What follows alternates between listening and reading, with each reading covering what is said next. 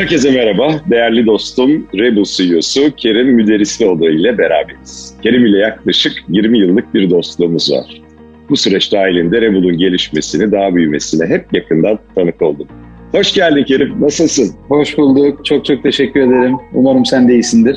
Ben deyim. Bugün çok keyifli bir sohbet olacak. Sanayi, tüketici davranışlarını, markalaşmayı, para kendi dönüşümü ve e-com ve daha birçok konuyu konuşacağız. Ama ilk önce Çerkezköy'deki fabrika hayırlı ve uğurlu olsun vatanımıza, milletimize dinlemek istiyorum. Çok teşekkür ederim. Çok teşekkür ederim. 2019'un Temmuz ayında e, başladığımız fabrika e, yatırımımız bu sene Ağustos itibariyle tam anlamıyla bitti ve tam teşekküllü çalıştırmaya başladık. Hala ufak tefek eksikliklerimiz var.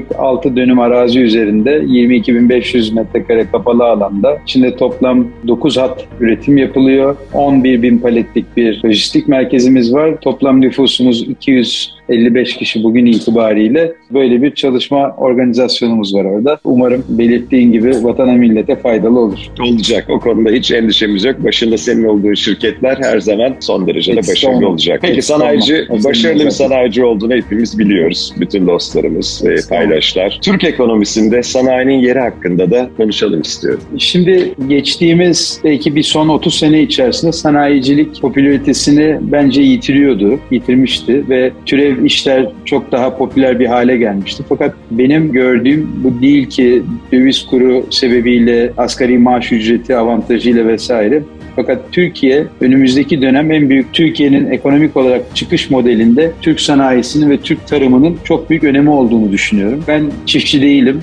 Tarımla da bir ilintili işimiz yok ama sanayi tarafına baktığımızda özellikle bu Çin-Amerikan ticari çekişmeleri ve pandemi dönemi sonrası e, bizim önemimizin hızla bir anda aynı pandemide değişen büyük dengeler gibi değiştiğini ve dünyanın tedarik kaynaklarından birinin lojistik olarak imkanlar dahilinde olabildiği kadar derinleşerek Türkiye'nin ön plana çıktığını gözlemliyorum. Dolayısıyla e, Türkiye'de sanayiciliğin tekrar popüler hale geldiğini ve geleceğini görüyorum. Hatta biz grup olarak bir yeni daha fabrika yapmak üzere bir yer aldık. Önümüzdeki yıllarda onu planlıyor olacağız. Çok e, Mevcut fabrikamızın yanında da bir arazimiz var. Orada da büyüme imkanımız var. Şu anda onları planlıyoruz. Çünkü birçok müşterimizin Çin'den temin ettiği e, ürünlerde ciddi sıkıntıları var. Avrupa'nın kapasitesinin ve fiyatının yetmediği yerlerde Türkiye'nin avantajlı olduğu alanlarımız var. Kaldı ki kendi markalarımızla beraber yaptığımız özel markalı üretimlerde çok hızlı e, büyüme gözlemliyoruz. Öte yandan devletimizin bu zor ekonomik koşullar koşullar altında bile sanayi yatırımlarında bir takım cazip teşvikleri var. Hem bölgesel hem yatırım teknolojik özelliklere göre verdiği bir takım e, teşvikler var. Bence civar ülkelerde ve veya Avrupa ülkelerinde benzer oranda teşvik olmadığı için Türkiye hem yerli yatırımcı hem yabancı yatırımcıya avantajlar sağlıyor. Bunu da belirtmem lazım. Ee, hani hep sağlanan şartlardan şikayet etmenin bazı şeyleri de gerçekçi olarak ortaya koymak lazım. Tabii ki, tabii ki.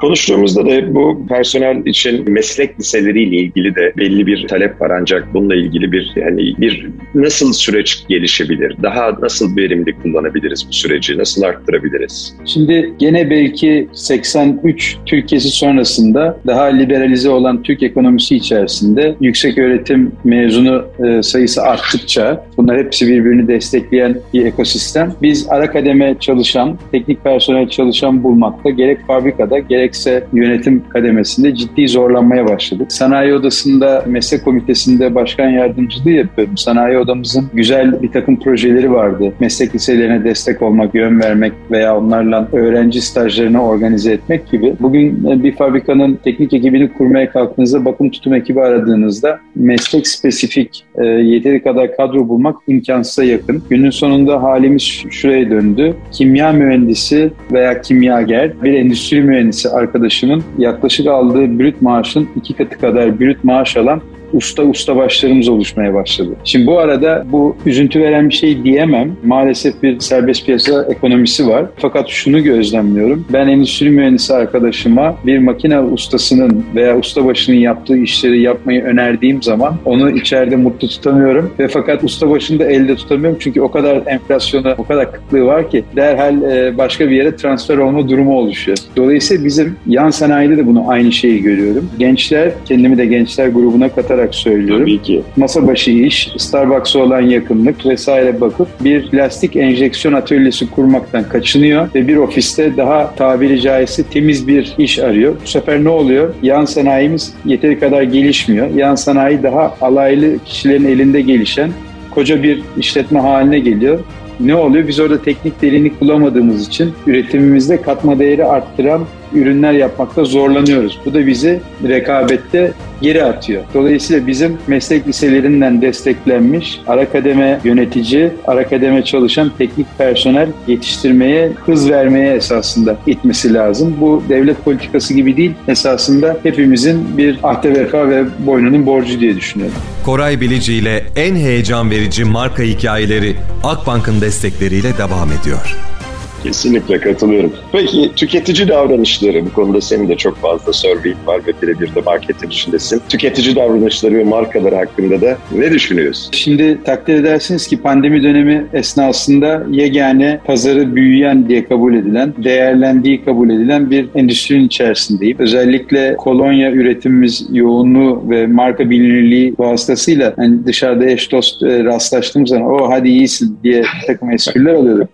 e, ama öncelikle size tüketim alışkanlıklarını biraz dile getirmek isterim. Bir kere lütfen herkes bilsin ki biz 2019 volümlerimize neredeyse geri döndük. 2020 senesi içerisinde ciddi bir pik yaşamış olabiliriz. Bir panikle ciddi anlamda örgütsel bir çalışmayla tüm Türkiye'ye birkaç tane büyük sanayi kuruluşu kolonya yetiştirdik, yapıldı. Burada bir maddi çıkardan ziyade bir seferberlik hali vardı. Ancak tüketicide şunu gözlemliyorum. Artık online hayatımızın ciddi bir parçası haline geldi. Online derken illa online alışveriş değil, online servis alımları da ciddi anlamda hayatımızın bir parçası haline geldi. Volüm büyümekten ziyade servis niteliği çok yükseldi ve bu servis niteliği arttığı kadar da kullanım alanları şekillenmeye başladı. Kendi alanımdaki değişimi şöyle size söyleyeyim. Türkiye'de kozmetik yıllık %10-12 bazında adetsel bazda büyüyor. Maalesef şu anda toplam kullanım TL miktarını söylemem doğru olmaz çünkü dolar bazında bu değişimini tartmadan konuşamam. Sevindirici olan yegane konu yerli üretimin toplam kullanım içerisindeki payı artıyor. Ve bence tüketicimizin yerli markalar olan inancı değil ki sadece cüzdanı izin verdiği için, güveni arttığı için artmış durumda. Bunun altını çizmek isterim. Online'da da desteklendiği zaman tüm ülkemize servis verebilir bir hale geldik. Artı ihracatta da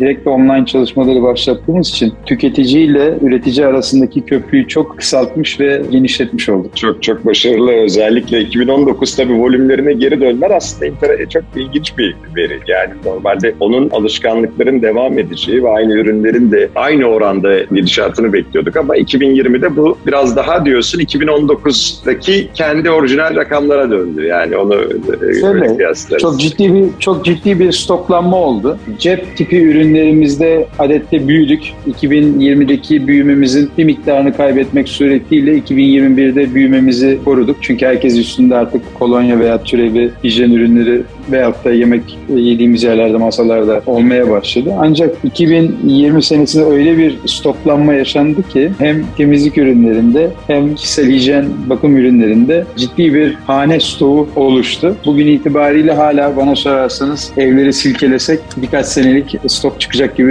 e, gözüküyor. Bizde çıkacak o kesin ofiste de öyle bir stoğumuz var onu paylaşabilirim ve seninle konuşmak istediğim diğer soruya geçiyorum. Parakende sektöründeki dönüşüm nereden nereye gidiyor bu? ve e-com 360 derece iletişim bunların hepsini aslında bir arada da düşünebilirsin. Nasıl bunları bir potada düşünelim? Rebul Holding AŞ, Rebul grubu içerisinde bir kolumuz perakendecilik yapar. Şu an Türkiye'de toplam 21 tane perakende mağazamız var. Yurt dışında da 20 tane kendi perakende mağazamız var. Bunlar monobrand sadece atölye Rebul ürünleri satarlar. Şöyle artık biz perakende mağazalarımızı birer tecrübe noktası olarak görüyoruz. Oradan gelen tüketim hacminin yanı sıra tüketicilerimizin orada ürünlerimizle fiziki olarak tanışıp deneme ve e, alışkanlık kazanmalarına eğilim sağlayacağımız bir platform olarak görüyoruz. Sonrası kendilerini izinleriyle takip etmek suretiyle, ürünlerinin ne zaman biteceğini tahmin ederek iletişim kurmak suretiyle kendileriyle bireysel bir bağ kurma çalışması yapıyoruz. gördüğüm kadarıyla hemen hemen rakip demeyeceğim ama perakendedeki Avrupa ve dünyadaki dönüşüme baktığım zaman fazla perakende nokta enflasyonu vardı. Burada bir kısalma oluştu. Özellikle Amerika kıtasına baktığımızda ciddi anlamda kapanmalar yaşandı. Ancak ülkemizde hala genişleyebilecek yer olduğunu görmekle beraber toplam ticaretimizin %35'ine yakınının online olarak artık yapıldığını ifade etmem gerekiyor. E, hal böyle olunca tüm iletişimimizde bireysel tüketicimizle irtibat kurmak suretiyle yönetmeye başladık. Kerim'cim katıldığın için çok teşekkür ediyorum. Çok güzel ben ve faydalı ederim. bilgiler. Özellikle sanayici. Seni görmek her zamanki gibi çok güzeldi. Sağ ol. Çok çok teşekkür ederim. Aynı şekilde daha güzel günlerle de görüşmek üzere diyorum. Hoşçakal. İnşallah görüşmek üzere. Eksik olmayın. Görüşmek üzere. Hoşçakal.